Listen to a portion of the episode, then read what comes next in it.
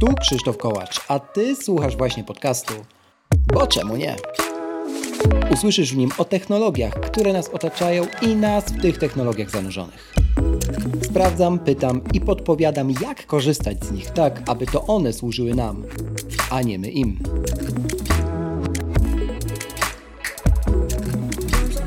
W dzisiejszym odcinku rozmawiam z duetem z Hard Beans o nauce i technologii w kawie. Jak ich połączenie tworzy innowacje, rozwiązując problemy zwykłego klienta? Zanim zaczniemy, proszę zostaw opinię na Apple Podcast lub na Spotify. Twój głos ma znaczenie. Zaczynamy.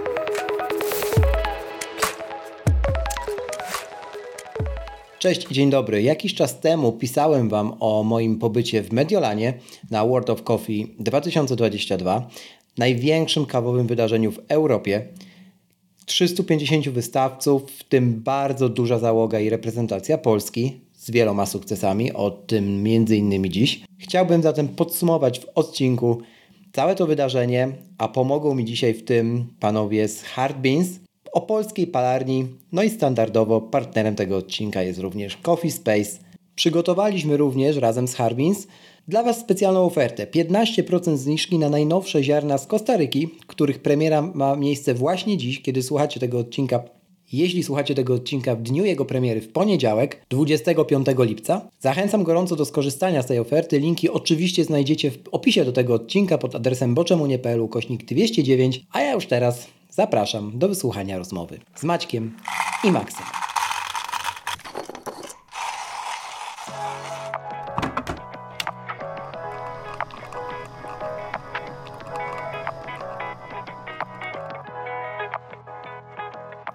Maciej i Maksym, czyli załoga Hard Beans z Opola, e, jest dzisiaj gościem tego podcastu. Tak jak mówiłem we wstępie, Myślę, że to najlepsze osoby do podsumowania World of Coffee 2022 z wielu powodów. O tych powodach sobie dzisiaj też powiemy, ale na początek witam panowie.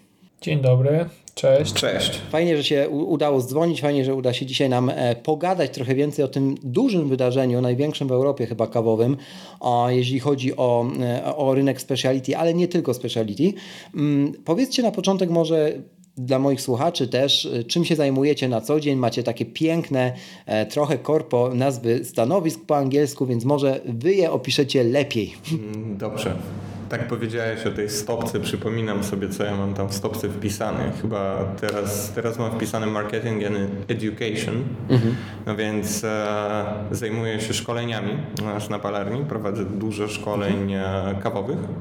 Więc tak naprawdę opowiadam, jak zaparzyć dobrą kawę i nie tylko, w takim dużym skrócie.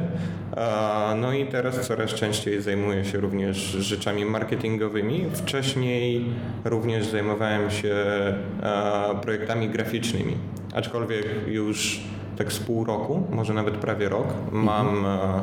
e, e, Mikołaja, który mnie wspiera właśnie w tych wszystkich projektach. Większość z nich robi dużo lepiej niż ja, więc z tego powodu też od dłuższego czasu u nas na wszystkich social mediach możecie zobaczyć bardzo dużo projektów 3D, animowanych również, więc tak. To, to dowiedziałem się, kto za tym stoi, bo to rzeczywiście fajne te, te rzeczy na socialach macie i widać tę zmianę, o której mówisz. Okej, okay, to już wiem, tak, z czego one tak, wynikają. Tak, tak, tak. Był taki, był taki etap przejściowy, tak, mhm. dołączył do nas Mikołaj, z którym się znamy od dłuższego czasu, tak naprawdę znamy się z 5 lat i mhm. kiedy rozpoczęliśmy, e, kiedy wrzuciliśmy tak naprawdę ogłoszenie, że szukamy grafika, to Przyjrzałem bardzo dużo różnych cefałek i, i, i, tak naprawdę tylko, nie wiem, kilka, dwie, trzy były takie, że naprawdę wow. Mhm. I w pewnym momencie Mikołaj do mnie tak prywatnie zadzwonił i powiedział, że słuchaj, wiedziałem, że szukacie grafika, chętnie bym spróbował. No i właśnie tak zaczął z nami współpracować. Super. I naprawdę robię bardzo, bardzo fajny projekt, jest to Człowiek Orkiestra. Więc tak, zacząłem opowiadać o swoich działaniach, a skończyłem działaniami Mikołaja. Ale Dobrze, ale to wszystko, bardzo, bardzo mocno powiązane. To wszystko gdzieś tam się spina e, na kanwie grafiki, która też mi jest bliska. No i oczywiście Apple'a, bo obaj panowie pracują na, na, na sprzęcie oczywiście nadgryzionym dzisiaj. Może gdzieś tam na koniec rozmowy mm, do tego jeszcze sobie wrócimy, ale teraz płynnie do Ciebie Macieju przechodzimy. Ja w e, Hardbeans jestem właściwie od początku, od końcówki 2017 mhm. roku i ta moja rola się zmieniała. Dochodziło do niej coraz to więcej obowiązków aż doszło to do roli również współwłaściciela. E, obecnie mm, jestem przede wszystkim odpowiedzialny za rozwijanie naszego projektu Beverage, czyli naszych e, napojów w puszkach, mm, ale poza tym, mhm. bo ten projekt już trwa od ponad półtora roku. Tak naprawdę jesteśmy na takim finalnym etapie wdrażania mm, produkcji naszej nowej fabryki. E, jestem też odpowiedzialny za wszystkie inne rzeczy z takiej bieżącej działalności, czy to dotyczące mm, palarni, czy to dotyczące naszych urządzeń, wszelkich spraw organizacyjnych. E, też taką moją rolą jest bycie dobrym duchem zespołu i dbanie o to, żeby wszystkim nam się w firmie e, pracowało dobrze i żebyśmy z uśmiechem na twarzy każdego dnia przychodzili do, do biura albo raczej do palarni? Jak mówicie właśnie? Mówicie biuro czy mówicie palarnia? Jak to jest pracując w tak, wiesz, bardzo blisko e, surowca, w żargonie takim codziennym? To zależy, bo my mamy tak naprawdę trzy filie. Mamy palarnię, w której mhm. również mieści się biuro, czy, więc to biuro jest taką mhm. częścią palarni. A mamy tak zwany prudnik, czyli naszą nową fabrykę, w której produkujemy napoje. E, ona mieści się właśnie w prudniku, to jest około 45 minut drogi od pola. No i mamy jeszcze mm, tak zwaną prototypownię, czyli de facto naszą fabrykę hard tanków e, oraz miejsce, w którym powstają właśnie wspomniane prototypy. Wszystkie e, nowe urządzenia, wszystkie modyfikacje starych urządzeń, całe to sprzętowe know-how e, rodzi się również tam i ta prototypownia także znajduje się w Opolu, więc można powiedzieć, że działamy na trzech frontach, a biuro jako takie mieści się w palarni to y, rozbierzemy sobie to wszystko, co powiedziałeś e, na czynniki pierwsze, układając coś w rodzaju struktury tej, e, tej rozmowy. Zaczniemy e, od targów, bo to jest jakby główny temat, a potem myślę, że takim dobrym punktem wyjścia będzie połączenie to, co ja uwielbiam, czyli technologii i kawy, czyli wyjdziemy od hard trunka, powiesz moim słuchaczom, co to takiego magicznego jest, no i później myślę, że dojdziemy do tych puszek, bo też, drodzy słuchacze, nie chodzi tu bynajmniej o piwo, nawet kraftowe, ale o coś, co coś innego, także myślę, że tak sobie to wszystko wszystko rozłożymy dzisiaj, zaczynając więc od Mediolanu. Które to były Wasze mm, World of Coffee? jeśli chodzi o targi? W moim przypadku to był drugi wyjazd na World of Coffee i tak naprawdę i pierwszy i drugi był w tym roku, więc pierwszy wyjazd na World of Coffee byliśmy w Dubaju, również z naszymi urządzeniami. Mhm. I drugi, taki już większy, masywny, ciekawy, z dużym stoiskiem. Mieliśmy też taki entertainment, jak to wcześniej powiedziałeś na stoisku, tak, więc to był drugi raz w Mediolanie. Ja na World of Coffee bywam już od 2015 roku albo 2016, chyba, chyba tak, chyba pierwszy raz byłem w Dublinie. E, wystawialiśmy się już na World of Coffee w, z firmą Coffee Desk, w której pracowałem e, przez 7 lat mm. i w Berlinie, i w Amsterdamie między innymi, więc miałem też doświadczenie z obu stron, zarówno jako taki visitor, czyli osoba mm. po prostu odwiedzająca targi, jak i wystawca. Natomiast jako Hardbeans na taką pełną skalę z własnym, dużym, wypasionym, wręcz można powiedzieć, stoiskiem byliśmy na World of Coffee po raz pierwszy, o ile się nie mylę. Opowiem z mojego punktu widzenia, jak się zaszło do Was do, e, do właśnie tej całej sekcji, można powiedzieć, harbinsowej to nie tylko, e, że tak powiem, kawowo-alkoholowe driny lały się strumieniami, co zresztą było bardzo pozytywnym akcentem na tych targach, to wiele osób podkreślało, no ale też e, ta pozytywna energia. Przyjechaliście ogromną ekipą z tego, co kojarzę. Tam wśród tych 350 wystawców no tak wiesz, po 3-4 osoby, to na większości tych stoisk to i tak już można było uznać za solidny skład, no a wy jednak do tej elity tam gdzieś tam powiem światowej, e, liczbowo też, e, no zmierzyliście bardzo mocno. Ile, ilu, was tam, ilu was tam było, jeśli chodzi o załogę? Wstępnie, wstępnie miało być chyba 9 osób, tak? Ale ostatecznie było z 12. Słuchajcie, a powiedzcie mi, jak tak oceniacie, zwłaszcza ty Maciek, te, te targi w Mediolanie, Wyjątkowe targi, no bo po pandemii też takie pierwsze spotkanie, mam wrażenie, tych wszystkich ludzi e, zajawionych na punkcie kawy mm, w realu, bez, e, właściwie można powiedzieć, bez obostrzeń. Widać, że tęsknotę było? Jak najbardziej. Nie wiedzieliśmy do końca, czego się spodziewać podczas tych targów chociażby właśnie ze względu na ten popandemiczny okres, na przeniesienie targów z Warszawy mhm. do Mediolanu, tak de facto na ostatnią chwilę, bo o tym też musimy wspomnieć, że w wyniku mhm. E, wybuchu wojny w Ukrainie e, Niestety. targi zaplanowane pierwotnie na e, Warszawę przeniesiono szybko do Mediolanu. Mm, no i też to spowodowało trochę chaosu, część wystawców się wycofała. My postanowiliśmy jednak pojechać, bo, bo taki mieliśmy plan już od dawna. Nawiasem mówiąc, ta Warszawa została przełożona już po raz kolejny, bo targi miały się odbyć w czerwcu 2020 roku e, po raz pierwszy, no ale wtedy z oczywistych covidowych powodów do tego nie doszło. E, no więc e, kończymy w Mediolanie, w mhm. którym to zresztą jeszcze nie tak dawno temu, bo w październiku zeszłego roku odbywały się kolejne duże, między innymi kawowe targi o nazwie Host. To są ogromne targi w ogóle branży hospitality odbywające się w centrum Expo.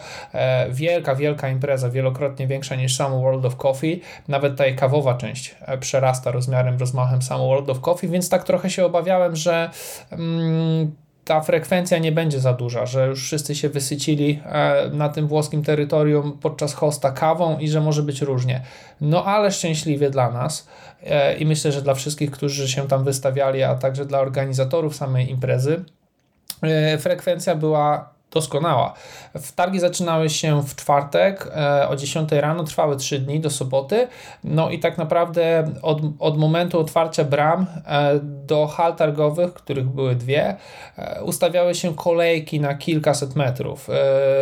Ludzie przyszli od razu, od samego otwarcia drzwi, po prostu była pełna hala i to było super. Tak, potwierdzam. Na, na stoisku właściwie ruch malał tylko podczas przerw na lunch, na jakąś godzinę w trakcie dnia, gdzieś tam około 13, a tak to między 10 a 18 właściwie, mimo że targi trwały do 17 oficjalnie, mhm. mieliśmy po prostu młyn i ta nasza duża, tak jak Max wspomniał, 12-osobowa ekipa tak naprawdę była na styk, jeśli chodzi o mhm. um, zapotrzebowanie. Moce przerobowe. Tak, mhm. o moce mhm. przerobowe, bo mieliśmy duży, kilkumetrowy bar, na którym nie serwowaliśmy kawy e, tej klasycznej, parzonej w ekspresach czy przelewowo, e, a mimo to e, ludzi było bardzo wiele, dużo również spotkań, E, z potencjalnymi klientami e, i nie tylko. Więc e, mogę powiedzieć, że tak, targi były dla nas bardzo udane. Oczywiście zmierzenie tego w jakiś sposób zajmie jeszcze trochę czasu, no bo zwykle takie lidy, które po targach wpadają, to jest 3, 6, 9 Jasne. albo i więcej miesięcy, zanim one w jakiś sposób przełożą się na mm, transakcje. Natomiast patrząc z perspektywy lat i swoich doświadczeń e, na tym polu mogę powiedzieć, że, że, to, była, że to były super targi. Ja mam, ja mam bardzo podobne przemyślenia, jeżeli chodzi o wrażenia po targach. Tutaj też dodam taki fun fact, że de facto mieliśmy tą kawę zaparzoną na ciepło na barze i byliśmy też na to przygotowani, że może ktoś będzie chciał kawę na ciepło, ale żadna osoba nie zapytała nawet o tą kawę, czy my ją mamy, więc tak naprawdę jest też zabawne, że jakby nasz napój, nasze puszki, wszystkie rzeczy, które serwowaliśmy na barze były tak atrakcyjne dla naszych e, gości na stoisku, że nikt nawet nie pomyślał tak naprawdę mhm. o kawie na ciepło, więc rano robiliśmy tam parę termosów takiego zwykłego przelewu i, i tak naprawdę wieczorem tylko wylewaliśmy tą kawę, bo nikt jej nie pił. Tak naprawdę chyba tylko ja piłem tą kawę raz to, na jakiś akurat czas. szkoda, że wylewaliście, ale nie, nie dziwi mnie to, dlatego że jak, jak się zobaczyło na kolory waszego baru, to chyba drugi, drugie tak kolorowe miejsce na całej hali, jednej i drugiej zresztą, w Mediolanie to było stoisko Loveramix no bo oni mają, miały filiżanki kolorowe. Tak. Jak je ułożyli, no to było równie, równie kolorowe jak u was. No i to tyle, jeśli chodzi o takie koloryty i światełka, więc rzeczywiście to się, to się rzucało w oczy. Natomiast kolejki były, rzeczywiście, tu też potwierdzam, słuchajcie, z mojej perspektywy, było też wiele osób, które nie który widać było w rozmowach z wielu krajów, z całej Europy, a też nawet ze Stanów, z paroma osobami rozmawiałem, które e, mówiły, że one generalnie zaczynają przygodę ze speciality, a mimo tego są, e, czy w ogóle z kawą, nie? A mimo tego są tutaj, e, no i są mega zajarane tym, jak to wygląda, nie? No i też się nie dziwię, bo jak taka osoba trafia, no nie wiem, na stoisko Komesia, komandantę, mam na myśli oczywiście, um, i widzi te wszystkie ich młynki plus, plus nowy młynek i gadżety, które sobie może, no mówiąc zupełnie w wprost zabrać, od stickerów począwszy, na gałkach skończywszy e, i, i, i, widzi, że tam jest kolejka do stoiska z młynkami do kawy, no to jej mózg wybucha, nie? Jak, jak dopiero zaczyna przygodę, że o to chodzi, nie? No i później, później gdzieś to tam e, eksploruje. Także też pozytywnie z mojej perspektywy patrząc, że kurczę, te osoby też rozmawiały e, no na przykład z wystawcami od opakowań. Byłem świadkiem takiej konwersacji, gdzie dziewczyna w ogóle, ona chyba była z Hiszpanii i pytała, e, dla, dlaczego to jest takie ważne. Nie, I on wiesz, ta, ta, ten chłopak jej to tłumaczył i tak dalej. Takie mega pozytywne, że ludzie się interesują już nawet tak od, od, od dogłębnie. Nie? Wy tam pojechaliście również z, ze sprzętem, o którym zaraz po, pogadamy. No i nie dość, że wróciliście z sukcesem dookoła tego sprzętu skupionym, no to jeszcze w ogóle Polska wróciła znowu z sukcesem, no bo trzeba by tu wspomnieć oczywiście o, e, o Agnieszce, tak, Rojewskiej i, i kolejnym, kolejnym zwycięstwie, to może e, Maciek przybliż słuchaczom, e, no może też krótko postać Agi, bo myślę, że nie wszyscy kojarzą, no i co to wygraliśmy jako polscy reprezentanci? Kawy. E, myślę, że na jej temat już zostało powiedziane bardzo wiele, ale jak się okazuje wciąż nie wszystko, ponieważ wszystkich swoich e, talentów, e, zasług i osiągnięć Aga w tym roku w Mediolanie po raz kolejny można powiedzieć, że przeszła samą siebie, to znaczy, że została mistrzynią świata po raz drugi w innej kategorii. Do tytułu z 2018 roku w tej koronnej dyscyplinie World Barista Championship, czyli Mistrzostw Świata Barista, dołożyła tytuł e, Mistrzyni Świata Coffee in Good Spirits, czyli e, kategorii konkurencji polegającej na łączeniu kaw z alkoholami.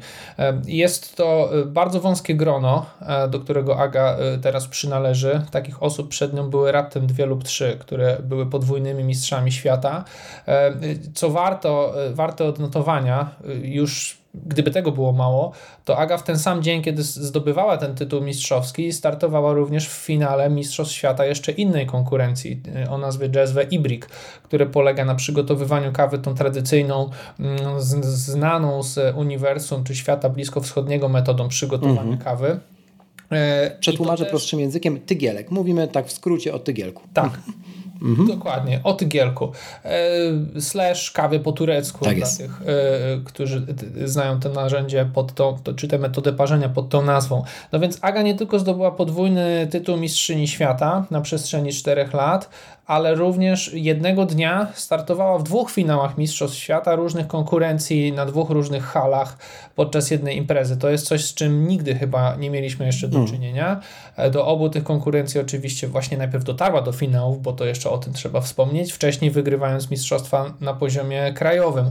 E, więc no myślę, że tutaj można wręcz postawić kropkę, e, kropkę mm -hmm. i nie trzeba mm -hmm. więcej mówić, bo ja tak jak rozmawiałem z Agą po tych zawodach, to właściwie już nie wiedziałem, co mam jej mówić. W sensie, tak. no, trochę brakuje słów na to, żeby jakoś tam jej gratulować w sposób, jakiego by jeszcze do tej pory e, nie było, bo to, co robi, to jest naprawdę rzecz unikatowa.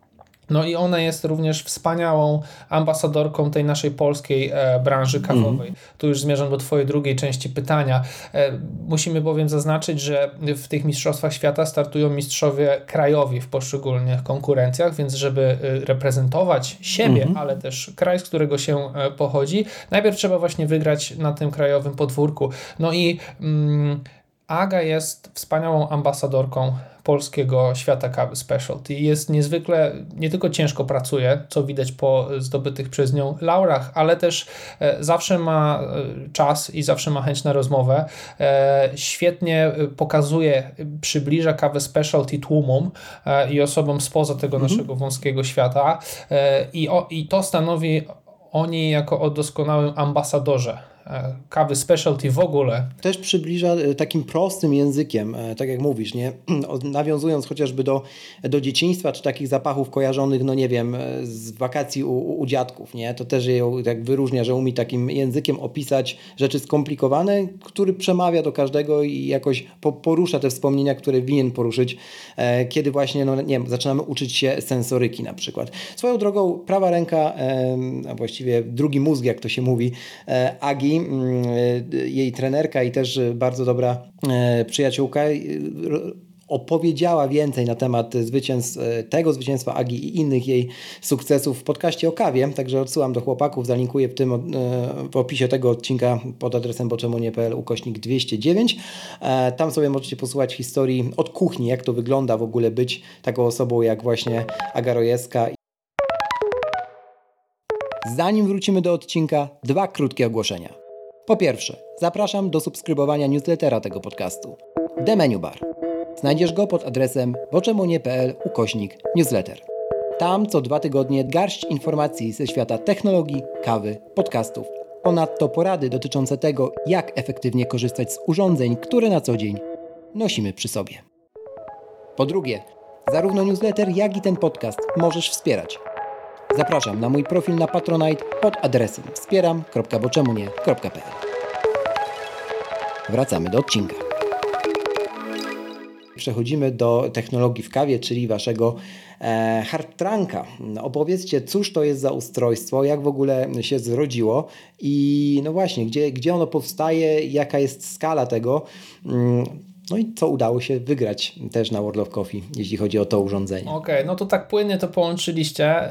Yy, płynnie, płynnie do tego przeszedłeś, Krzyśku, bo fakt, yy, że nie tylko Aga yy, wyjechała tak. z Mediolanu z nagrodą, również i nasz zespół, nieco skromniejszą i pewnie o mniejszym wymiarze doniosłości, ale dla nas znaczącą, myślę, że tyle samo co dla Agi, o tym zaraz Max. Natomiast zaczynając mm, od samego hard tanka, to jest technologia do produkcji cold brew, czyli ekstrakcji kawy, herbaty, ziół, suszonych owoców na zimno którą to technologię wynaleźliśmy i opatentowaliśmy e, w wyniku badań e, rozpoczętych w 2018 roku. Ja byłem tutaj właśnie osobą odpowiedzialną na tym pierwszym etapie za prowadzenie badań, eksperymentów, e, testowanie różnych prototypów, które jeszcze wtedy wyglądały jak zwykłe plastikowe wiadro i jakieś kawałki rur PCV, mieszadła zrobione z wiertarek i tak dalej. Takie były nasze mhm. początki. A dlaczego w ogóle się tym zajęliśmy w 2018 roku? No Chciałbym tutaj wspomnieć, że Hard Beans to nie jest już teraz, ale w zamierzeniu nigdy nie była tylko palarnia kawy, jakkolwiek by to nie mhm. brzmiało, to słowo tylko. My od początku chcieliśmy mm, eksplorować, poszerzać y, naszą wiedzę na temat kawy i od samego początku, kiedy firma powstała, mm, to takim jej DNA, w jej DNA było wpisane właśnie R&D, czyli Research i Development. E, jednym z pierwszych projektów, e, na który się rzuciliśmy, był właśnie projekt Cold Brew. Dlaczego? Dlatego, że robiąc taką analizę rynku, zobaczyliśmy, że ekspresy ciśnieniowe są już bardzo dobrze rozwinięte, przebadane, technologii jest mnóstwo, konkurencja jest bardzo duża. E, to samo z młynkami, e, to samo z alternatywnymi urządzeniami do zaparzania kawy. Co, co chwilę powstają mhm. jakieś nowe zaparzacze, dripery, takie, owakie. Jest tego mnóstwo, to jest już przebadany teren. Natomiast cold brew mimo że jest e, chyba, tak niektórzy mówią, najstarszą metodą e, ekstrakcji, to była dla, dla nas i dla bardzo wielu innych osób taka terra incognita. Niby każdy wie, jak zrobić kawę na zimno, wsypujesz do słoika. Jak zamówić, co to jest, jak widzi na tablicy w kawiarni, ale do końca, co pije, hmm, niekoniecznie. Tak, nie? dokładnie. Hmm. No, w teorii to jest też bardzo proste. Y, mielisz mhm. kawę, wsypujesz ją do słoika, zalewasz zimną wodą i czekasz sobie 24 godziny i masz cold brew. Y, czy też nie tylko kawę, to może być herbata, tak jak powiedziałem, lub coś innego. No ale jak zacząć trochę to drążyć, no to okazuje się, że to cold brew, ilekroć je piliśmy, to nam nie smakowało zawsze było utlenione, zawsze y, brakowało mu intensywności flavoru, czyli nut smakowych, mhm. brakowało mu takiej fajnej, dojrzałej, orzeźwiającej kwasowości. I y, ten trend na produkcję cold brew, który przyszedł do nas ze Stanów Zjednoczonych, e, zaczynał być coraz bardziej rozpoznawalny, jakoś kłócił się z tym, co my tam odnajdujemy w smaku. E, że to nie jest po prostu dobre, mówiąc krótko. Mhm. A już samo przygotowanie... Jest płaskie. Było, y, przeważnie było płaskie, nie? Płaskie tak jak pamiętam początki też kawiarniach w Polsce. E, dla tak, tych z Was, tak, którzy tak. nie wiedzą, jak mhm. smakuje utleniony napój, to tak jakby taką mieć po prostu śmierdzącą, brudną szmatę w filiżance. To mniej więcej... Bardzo, bardzo, bardzo obrazowe porównanie, ale no trudno się nie zgodzić. E, no właśnie. I, I to był nasz punkt wyjścia, więc zrobiliśmy sobie taką listę mhm. problemów z cold brew. Do nich należały długi czas ekstrakcji, brak powtarzalności, e, bardzo, bardzo niski poziom higieny, szczególnie w kawiarniach, kiedy produkuje się to na taką większą, powiedzmy 20-litrową skalę. Wszystko robi się w mhm. temperaturze pokojowej, bez posteryzacji, gołymi rękami, e, w otwartym naczyniu, gdzieś na zapleczu, gdzie się walają kanapki, sosy, opakowania po kawie i tak dalej. No, kto z Was robił cold brew w kawiarni, ten zna życie i wie, że to jest dalekie od ideału, jeśli chodzi o higienę, a potem my to serwujemy naszym gościom, nieutrwalone w żaden sposób, mhm. nieprzebadane.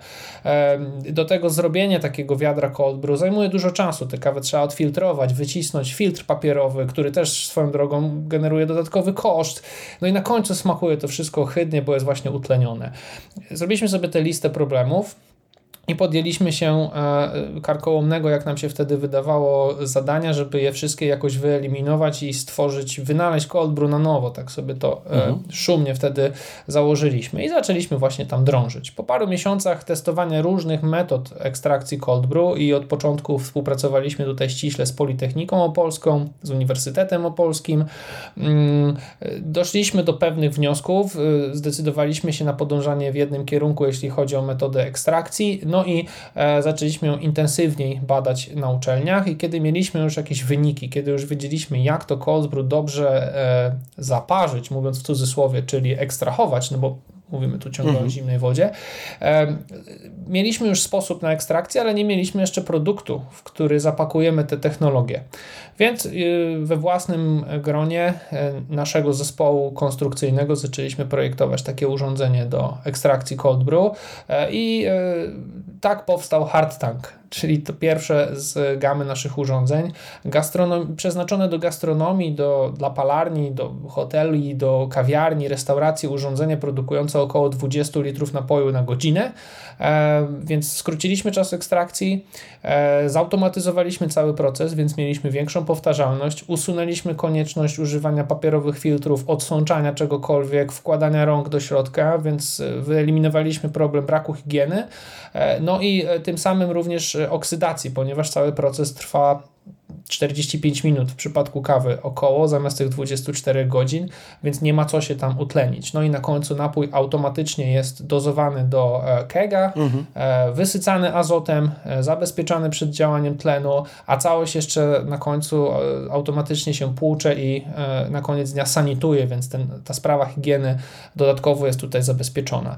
Ruszyliśmy Przerwę Ci w tym, momen mhm. w tym momencie, bo tak sobie myślę, że poruszyliśmy szalenie dużo wątków dookoła technologii łamane na fizyki, łamane na chemii, e, co też pokazuje, że jakby ten świat e, speciality, czy świat wychodzenia poza to, co już większość klientów zna, klientów kawiarni, czy, czy domowych baristów, nie, samorosłych baristów, whatever, jak to nazwiemy, no i właśnie, że tutaj ta wiedza taka ogólno, ogólnorozwojowa z wielu dziedzin jest szalenie istotna, żeby w ogóle mówić o o czymś nowym. Nie, nie chcę używać takiego mocnego słowa innowacja, nie? bo to jest trochę buzzword teraz, ale no po prostu o rozwiązywaniu, o, rozwiązywaniu realnych problemów klienta. Nie? To jakby bez tego R&D, które jest w waszym DNA, co też Krzywiek Barabasz bardzo często podkreśla w wielu wywiadach, no, no nie da rady. Nie, nie wiem, czy, czy rzeczywiście to jest taka wysoka bariera, ale wydaje mi się, że że jest i że trzeba o tym mówić faktycznie, no, że tak po prostu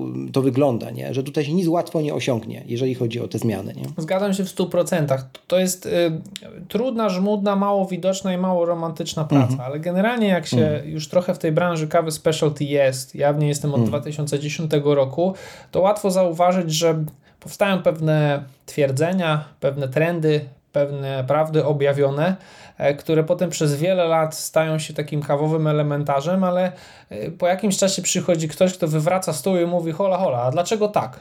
A, a, a, gdzie wy macie na to dane? Tak było z Aeropressem. Przed Aeropressem no, nikt na to jakoś nie wpadł, nie? Na, na masową skalę. Dokładnie, ale mam hmm. też na myśli jakieś utarte zwyczaje w kawie, na przykład, y, że nie, nie można kawę zalewać wrzątkiem. Hmm. Ja byłem tak nauczony, kiedy wchodziłem hmm. do świata kawy, sam tak uczyłem, bo tak słyszałem i wszyscy tak powtarzali, ale kiedyś mi kursant zadał pytanie, no ale dlaczego, co się dzieje z tą kawą? Przecież ona w piecu y, ma 200-220 stopni, no to jakim cudem może zaszkodzić woda o temperaturze 100? No i mnie wtedy wmurowało, bo sobie pomyślałem, że no tak, nie mam żadnych danych na poparcie tej tezy, poza tym, że ktoś mi coś powiedział. I my właśnie chcemy wyjść z tej takiej specialty banki, czy w ogóle branżowej banki, gdzie ktoś coś mówi o znanym nazwisku i wszyscy kiwają głowami i zmieniają swoje podejście i ono się potem utrwala na lata. Tylko jak już coś chcemy z czymś wyjść do ludzi, do rynku, do świata, no to chcemy mieć na to twarde dane i stąd to RD. To trwa, to kosztuje, ale na końcu my przynajmniej jesteśmy pewni, że jak coś mówimy, to wiecie no dlaczego. To mówiąc kolokwialnie, mamy na to papier. Tak. tak, e, tak sobie myślę, że tutaj aspekt edukacyjny warto teraz wyciągnąć na, na pierwszy plan w tej naszej rozmowie, dlatego zaraz przejdziemy do, do Twojej części, Max. Zanim jednak to, to myślę sobie, że mm, też y, to, co Wy się staracie robić, edukując branżę i osiągając później sukcesy, na przykład z czarnym pudełkiem dla gastronomii, mam na myśli oczywiście hard trunk, bo dla laika tak to wygląda, wielkie czarne pudełko, które robi dobrą kawę, a, no to to jest to, że że pokazujecie ten swój sukces, to swoje RD, to swoją wiedzę, która była okupiona wieloma miesiącami, jak nie latami pracy, żeby też zachęcić młodych baristów w kawiarniach, żeby nie szli tą najniższą linią oporów, bo ktoś im tak powiedział, nie? I, I jeżeli tak powiedział, to to jest święte, e, no i w sumie jak klient zapyta, to, jest, to klient jest dziwny, a, a nie to ja, bo nie wiem dlaczego, nie? To Max, ten aspekt edukacji, jak ten sukces, jaki sukces od razu powiedz, pomógł w tym i no jak to zamierzacie dalej rozwijać, jeśli chodzi o edukowanie tego naszego świadka polskiego? Wiesz co, tutaj przychodząc do nagród, które wygraliśmy dwa razy z rzędu, jest to nagroda Best New Product. Jest to konkurs organizowany przez Specialty Coffee Association i można tam wziąć udział jakby w kilku konkurencjach. No i my um, uczestniczyliśmy w konkurencji związanej z uh, przygotowywaniem cold brew i rok temu uczestniczyliśmy z Baby Hartankiem, czyli z małą wersją naszego urządzenia do produkowania cold brew. A w tym roku, e, w tym roku zgłosiliśmy nasze nowe urządzenie, e, i jest to również taki zautomatyzowany, mhm. E, jest to taka zautomatyzowana super wersja nalewaka do nitro cold brew, czyli kawy zaparzonej na zimno i wysyconej azotem. Tak, i jakby wizualnie te dwa urządzenia są podobne, są wykonane jakby w jednym stylu, e, więc również podczas tegorocznej prezentacji e, pokazaliśmy dwa urządzenia stojące obok i również podkreśliliśmy, że e, mamy naprawdę super możliwości, jeżeli mamy dwa urządzenia, ponieważ jedno z nich bardzo mocno ułatwia nam wyprodukowanie napoju, a drugie rozwiązuje większość problemów związanych z jego serwowaniem. Więc tegoroczne urządzenie, które przedstawiliśmy, jakby łączy w sobie i keg, i chłodziarkę, i krany, również ma automatyczne tryby czyszczenia, więc jest to jakby Powiedzmy, jeżeli porównamy to na przykład do aut lub nie wiem, lub do jakichś tam smartfonów i tak dalej, no to zwykły nalewek, który możemy kupić gdzieś tam na necie po prostu do kawy nitro, to jest taki samochód z lat 80., a nasz to jest nowoczesny bolid, który ma w sobie jakieś tam super systemy, ogromne wyświetlacze dotykowe i tak dalej.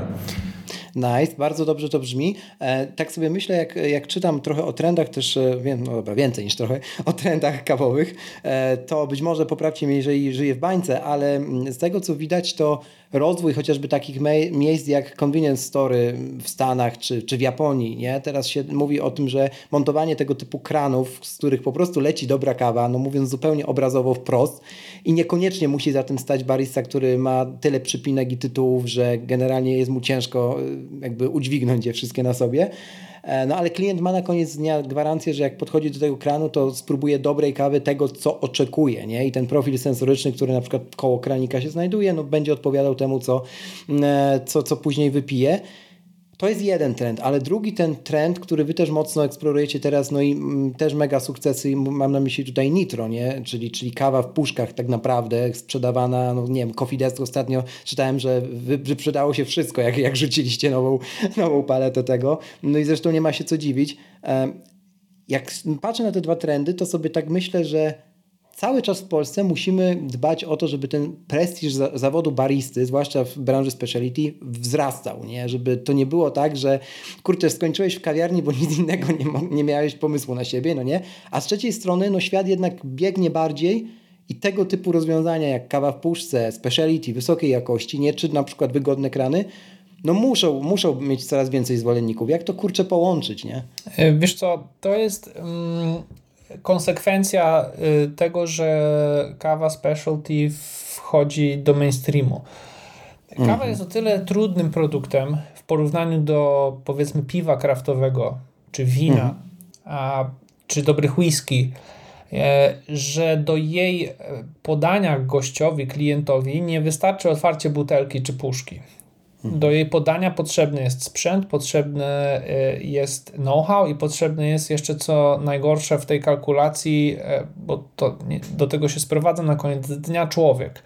Y, I żeby nacieszyć się kawą super jakości, no to nie da się tego zrobić, nie dało się tego do niedawna zrobić bez tej całej kawiarnianej otoczki. Mamy mhm. oczywiście ekspresy automatyczne, no ale znowu to jest kolejny sprzęt, on jest drogi, on się psuje, trzeba go serwisować, jakoś kawy z nich jest taka sobie. Nie do końca to jest to, co potrafi zrobić e, dobry barista z dobrym sprzętem w kawiarni, a, a to z kolei bardzo długo trwa i bardzo dużo kosztuje. No i e, nawet jeśli byśmy te koszty chcieli ponieść jako, nie wiem, właściciel powiedzmy stacji, sieci stacji benzynowych, mhm. E, czy, czy, czy mar sieci marketów, nawet jeśli byśmy chcieli te koszty ponieść, no to jest problem z rotacją personelu personelu, z tym, że ktoś to know-how musi mieć, a w kogoś musimy zainwestować, ten ktoś e, najczęściej mało zarabia, więc to jest student, zaraz gdzieś znika i e, cały plan biznesowy się sypie. No więc jak to specialty e, powiedzmy przynieść, przenieść pod strzechy, żeby to było dobre, powtarzalne, łatwo dostępne i w ogóle jeszcze tanie no trzeba wyeliminować ludzi z równania, niestety. Mm -hmm. I, I wiem, że to jakoś mało romantycznie brzmi, no bo oczywiście kawa specialty kojarzy nam się z tym całym anturażem kawiarni, pięknych wnętrz, e, przystojnych baristów z tatuażami i brodą, e, poważnymi minami, mhm. zaparzaniem. Właśnie to miałem na myśli mówiąc o przypinkach. Mhm, kontynuuj. Tak, tak, tak. Zaparzaniem kawy ręcznie, cyzelowaniem każdej kropelki wody, piękną ceramiką, w której to jest podane. No i to jest świetne, to jest super.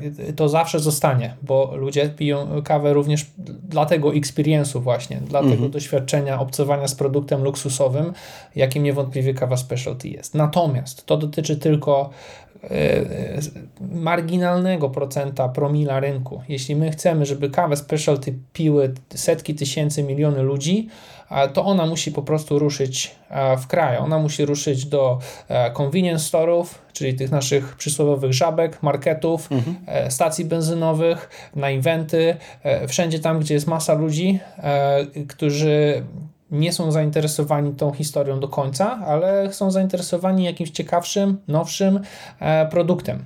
My musimy zarzucić ten spławik i poziom wejścia, mhm. próg wejścia musi być dla konsumenta jak najniższy.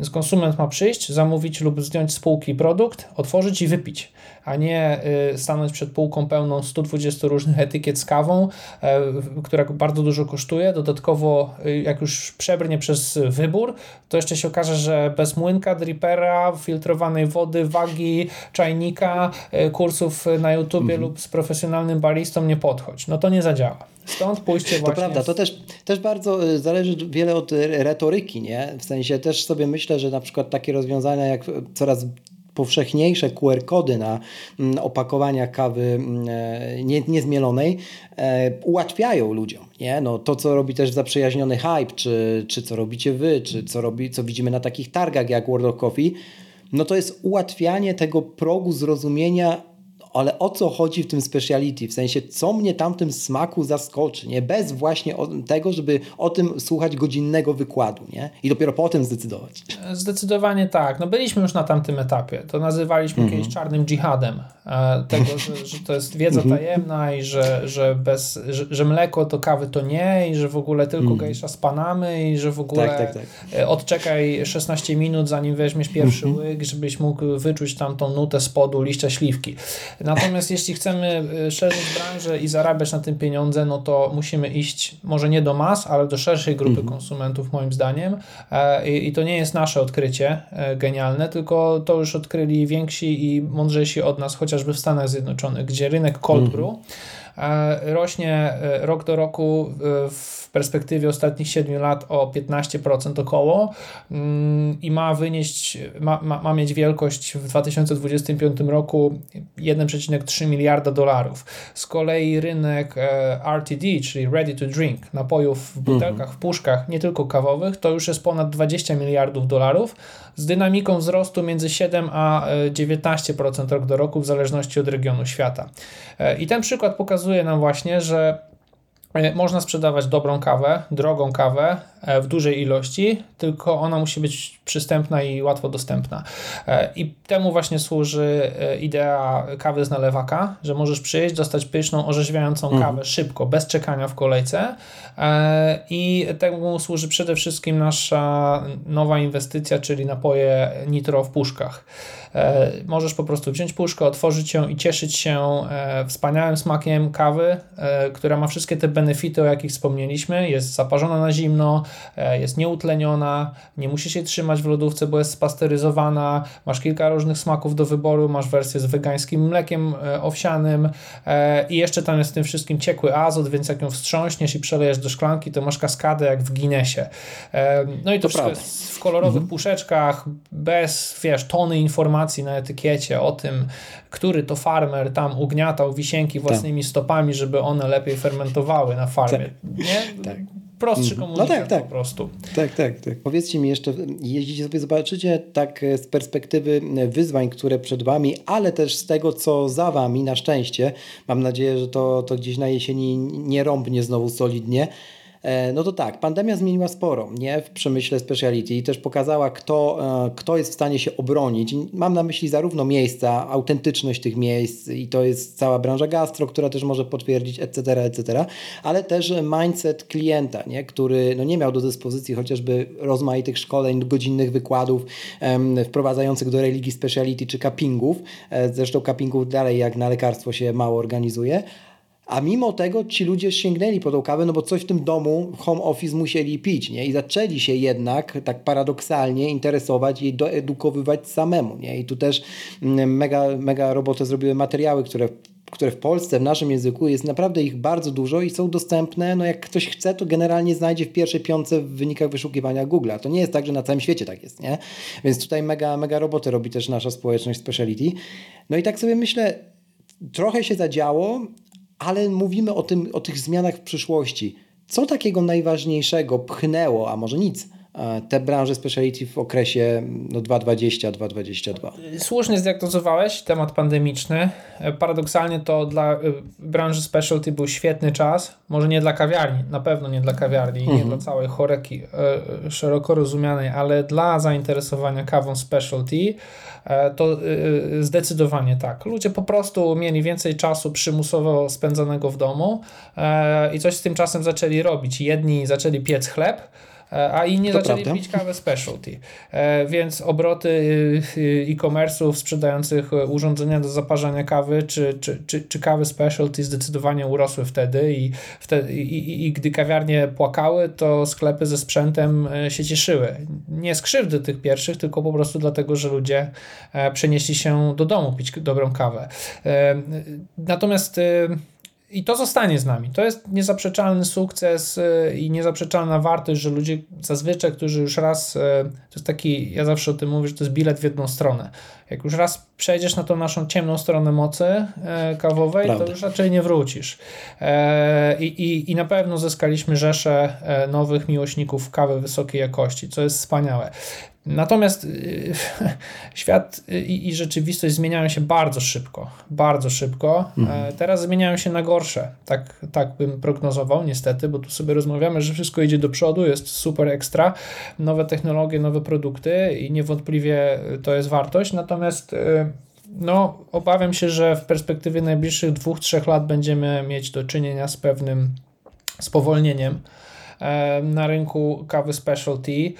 Po pierwsze dlatego, że przez lata mieliśmy boom, mieliśmy taką ostrą hossę i teraz musi mhm. nastąpić korekta i ona już się dzieje, więc trochę palarni się zamknie, moim zdaniem, trochę kawiarni upadnie, niestety. Przetrwają, tak jak powiedziałeś, ci najlepsi czy ci najbardziej autentyczni? Może tak, Dokładnie. ale z pewnością mhm. ci, którzy też potrafią dobrze prowadzić biznes. To jedno. Y, drugie, wydaje mi się, że trochę się zmienią preferencje konsumentów jednak. E, to znaczy, że ci, którzy lubią kawę wysokiej jakości, pewnie dalej będą jej szukać, nawet jeśli y, w portfelu co miesiąc będą mieć mniej gotówki, tylko pewnie już nie będą sięgać po te najlepsze, najdroższe rarytasy, ale szukać czegoś e, jednak tańszego. Więc myślę, że e, e, i to dotyczy też nas, być może będziemy musieli trochę zmienić nasze podejście do produktów, do tego, co chcemy oferować naszym klientom, żeby to wciąż mhm. były super rzeczy, mówię tu o jakości, no ale żeby nie kosztowały może 70 zł za paczkę czy 80, e, bo być może e, nie będzie na to naszych klientów stać. E, I to myślę, że będzie taka zmiana na najbliższe wręcz kilka lat. Chciałem przy okazji pytać też o wyzwania na kolejne lata, ale to już myślę, że odpowiedziałeś na dwa pytania w jednym. Max, co ty jeszcze od siebie byś dodał? Ja bym tutaj dodał też, wracając do początku pandemii, że tak jak Maciek też wspomniał, że dużo osób e, zaczęło parzyć kawę w domu. No i dobrym potwierdzeniem jest ta kawa, która jakby dołączyła do portfolio naszych kaw właśnie na początku pandemii. Jest to parzucha, która jest jakby najprostszą kawą specialty, bo ona dalej trafia do tej grupy, aczkolwiek absolutnie nie ma na sobie żadnych tych, że, że tak powiem, hipsterskich mhm. informacji na temat wysokości uprawy, metody obróbki. Jest to kawa, na której mamy tak naprawdę frontową etykietę, która ma, jest wykonana w takim mhm. Może nawet trochę PRL-owskim stylu. Jest napisane, że to jest mieszanka kaw z Ameryki Centralnej i Południowej i że ma głównie orzechowo-czekoladowe flavory w sobie i ta kawa e, właśnie miała taki pierwszy swój boom na początku pandemii i w dalszym ciągu jest to jedna z najbardziej mm. popularnych w ogóle kaw u nas, więc to też jest dobre e, potwierdzenie po pierwsze tego, że parzenie kawy w domu e, jakby w trakcie pandemii zrobiło się bardzo popularne, a drugorzędnie to jest potwierdzenie tego, że właśnie nie każdy szuka mm, jakby mnóstwa tych informacji na temat, gdzie kawa rosła, na jakiej wysokości i tak dalej. Są to bardzo ważne rzeczy i również wspomnę, że tak jak na puszkach, Maciek też wspomniał, że nie mamy na puszkach informacji o tym, kto i jak ugniatał te wiśnie, żeby lepiej fermentowały, aczkolwiek jakby każda osoba zainteresowana zawsze może otworzyć naszą stronę, gdzie mamy dużo więcej informacji, na przykład o każdym naszym produkcie. I dotyczy to puszek, kawy, hartanków, więc jakby staramy się przygotować tą informację, której mamy zawsze dużo, zawsze mamy bardzo dużo rzeczy do powiedzenia i, i tak dalej, ale staramy się tą informację jakby tworzyć na dwa różne sposoby i opisywać wszystkie rzeczy na dwa różne sposoby. Staramy się przygotować informacje jak dla tych osób bardziej zainteresowanych szczegółami i mniej. Więc jakby parzucha to jest taki dobry przykład, że ktoś może lubić kawę wyższej jakości, aczkolwiek nie potrzebuje żadnych tych dodatkowych szczegółów, po prostu chce cieszyć się jej smakiem i nic więcej. Tylko jeszcze tutaj dodam e, e, do tego, co Max powiedział, zaznaczę, że to bardzo ważne jest, e, o czym, o czym Max wspomniał, że właśnie fakt, że niekoniecznie epatujemy tą specjalistyczną wiedzą z, z etykiet, nie oznacza, że ten produkt nie jest wysoce specjalistyczny czy wysokiej jakości. Tak. I to jest też bardzo ważne, żebyśmy nie zapominali o tych ambasadorach e, kawy specialty, mam na myśli tutaj wszystkich geeków, wszystkich forumowiczów na grupach mm. wymieniających się opiniami o kawie i tak dalej. Oni może nie są największą grupą, jeśli chodzi o e, jakby obroty konsumenckie, ale są właśnie tymi ludźmi, którzy niosą dobrą nowinę e, i na nich również nam bardzo zależy, więc jeżeli oni szukają jakiejś informacji, jeżeli są jej ciekawi, to my im te informacje dostarczamy właśnie za pośrednictwem chociażby naszej strony internetowej. I to są też bardzo ważni konsumenci, bo to oni potem opowiadają o tej kawie swoim znajomym, wujkom, ciotkom, dziewczynom, żonom, braciom, siostrom i tak dalej i pomagają nam budować, budować branżę. A jeszcze tak na koniec tych trendów, mhm. bo to jest też ważna rzecz, o której ludzie chyba nie myślą na co dzień i nie wiedzą. Kawa jest dzisiaj droższa niż była na początku 2020 roku i będzie jeszcze droższa. Mało tego, będzie coraz Correct. droższa. E, I to nie dlatego, że my jesteśmy chciwi i my teraz mhm. postanowiliśmy skroić z, z dolarów czy złotówek wszystkich klientów, bo branża jest taka po prostu e, straszna, tylko dlatego, że ceny surowej kawy na farmach e, wzrosły w stosunku do 2020 roku właściwie 2,5-krotnie. I to oznacza ni mniej, ni więcej, że za dobrą kawę trzeba będzie płacić jeszcze więcej. To nie jest dobra wiadomość w czasach inflacji i e, spowolnienia gospodarczego, no ale niestety tak to mm, będzie wyglądało. E, więc jeśli ktoś myśli, e, że dalej będzie można kupować specialty za 30 zł, no to mam złą mhm. wiadomość. Nie, a jeżeli to będzie specialty za 30 zł, no to znaczy, że to nie jest specialty i że ktoś po prostu mm. tutaj nadużywa tego terminu. No niestety. To myślę, że będzie też wyzwanie z tym, z tym nadużywaniem, bo to też za, zaraz nam się mm, pe, pewnie część osób obudzi, że no, to już jest na tyle popularne, że ta metka jakby um, robi robotę, no tylko, że właśnie klient na koniec dnia i tak ocenia nie metkę, tylko ocenia swoimi kubkami smakowymi, nie? Więc myślę, że to będzie miało krótkie nogi, ale zdecydowanie spodziewam się, że tego typu wałki, mówiąc zupełnie wprost, pewnie będziemy obser obserwować. Tak sobie myślę, puentując technologicznie jeszcze tę naszą dzisiejszą rozmowę, że kurczę, jak tak słuchałem tej twojej opowieści ostatniej, Maciek, to mm, szalenie dużo analogii, tak sobie myślę też, no chociażby do Apple czy do Samsunga, do tych takich firm technologicznych, które dają jakiś tam smartfon, no ale niekoniecznie musisz wiedzieć, że w środku siedzi procesor, który wyprodukował James, e, Steve i ktoś tam jeszcze, nie? I jakby i on ma tyle i tyle miliardów tranzystorów, nie? Oczywiście to się pojawia na konferencjach, ale ta masa klienta, czyli ten klient końcowy, który robi największe obroty, to jest klient, który po prostu chce mieć dobry telefon, prosty telefon, nie? I idzie i szuka prostego wyboru na półce z prostym opakowaniem, bez zbędnych gratów w środku, nie? Więc, więc jest to szalenie e, takie obrazowe. No i też wszystko drożeje, no. Sprzęty też drożeją i to jest ta sama dyskusja, o której ty mówiłeś. Jakkolwiek byśmy tego inaczej nie chcieli tłumaczyć, to tanio, przynajmniej na ten moment e, już było. Panowie, e, na pewno Wam życzę sukcesów na linii R&D, bo to jest coś, co Was wyróżnia tutaj, w, nie tylko w Polsce, ale myślę, że w ogóle w Europie. I jeśli Wy chcielibyście też, drodzy słuchacze, zobaczyć, jak wygląda od środka te, te, jakby te wszystkie trzy miejsca, które, o których mówił Maciek na początku tego odcinka, cała produkcja e, Nitro czy, czy, czy produkcja Hard Tanka, to odsyłam oczywiście do filmiku European Coffee Trip, e, gdzie jest taki wideo tour po tych miejscach, dosyć świeży film, zalinkuję też w opisie do tego odcinka. Polecam obejrzeć w całości, bo to też um, taka um, obrazowanie tego, jak wygląda ten przemysł kawowy od kuchni właśnie w takiej dosyć surowej formie, muszę powiedzieć, i, i, dobrze się to ogląda, także też kudosy dla chłopaków, że, że przyjechali do Was i pokazali to, bo myślę, że to to trzeba pokazywać, nie? No to też jest ten element edukacji. Zapraszamy do obejrzenia. Tak jest. Bardzo dzięki i mam nadzieję do usłyszenia kolejnym razem. Moimi i waszymi gośćmi był Maciek Duszak i Maksym e, Wolkowiecki. Dziękuję bardzo. Dzięki. Dziękujemy również. Raz jeszcze, na koniec, żeby nie umknęło. Przypominam, zostaw w Apple Podcast oraz na Spotify taką liczbę gwiazdek, jaką uznasz za stosowne. Do usłyszenia w kolejnym odcinku, a za dziś bardzo dziękuję.